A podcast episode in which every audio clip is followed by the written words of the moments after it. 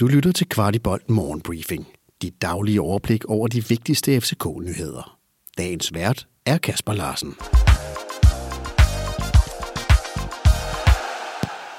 Inden vi går helt i gang med dagens morgenbriefing, vil jeg naturligvis lige opfordre alle til at gå ind og høre den spændende analyse, som Kvartibold lavede mandag efter derbyet, hvor vi havde fodboldekspert for TV2, Chris Kaiser Sørensen i studiet til en lang snak om både derby, men også hvor vi tog lidt hul på sommerens transfervindue. Så vi lægger et link i shownoterne, og så er det bare at komme ind og lytte til den. Og først til en rigtig glædelig ting fra mandagens derby. Med 33.758 tilskuere slog vi endnu en rekord i denne sæson. Efter at parken i 2009 blev ombygget, var den oprindelige rekord på 33.134 tilskuere.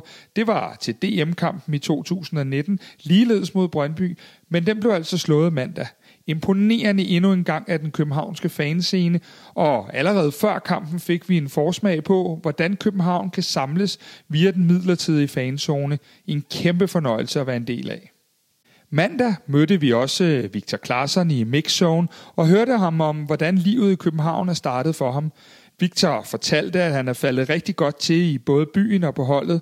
Han sagde til os i Mixzone, at holdet er rigtig velorganiseret, og det er fedt at være i København og jagte et DM-guld.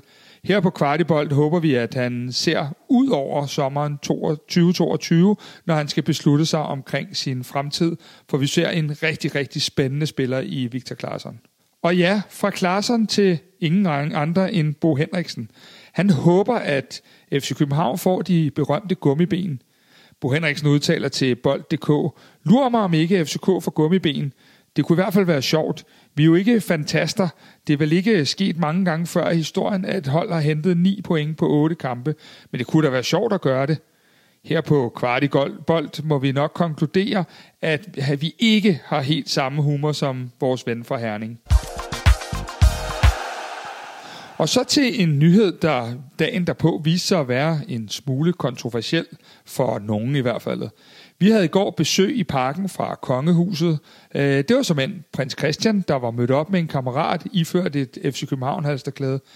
Det har selv sagt delt vandene på de sociale medier, hvor folk har haft mange holdninger til den 16-årige prins ageren.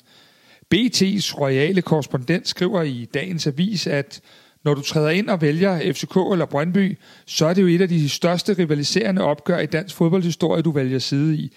Det tror jeg, man skal passe en smule på med som kongelig. Igen her hos Kvartibold noterer vi blot, at prinsen i hvert fald har en kongesmag i sit valg af klub, samt også virker til at være en sund ung mand. Og så til lidt noter fra den reservekamp, der har været spillet mod Brøndby, og som FC København så desværre tabte 3-1.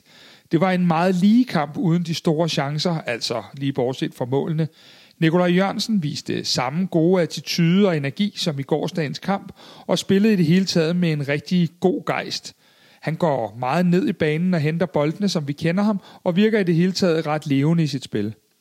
Katamoko, som mange jo også spørger til, han prøver det bedste, han har, men rent teknisk mangler der lidt endnu, og han har stadig svært ved at, at holde i bolden, og mister på den måde en, en del bolde, når de bliver spillet op på ham. Som øh, i mange af de her kampe, så dør intensiteten også, når der begynder at blive skiftet flittigt ud. Øh, da der mangler et kvarter for Luther Singhs spilletid igen, han begynder at se mere fit ud efterhånden, og kommer også ind med en god energi. Det vil dog stadig overraske, hvis øh, det bliver lige frem til spilleminutter i indeværende sæson. Og skal vi så ikke lige lade Pep Biel slutte denne morgenbriefing af med simpelthen lige at fortælle om sit andet mål, der som bekendt afgjorde mandagens derby?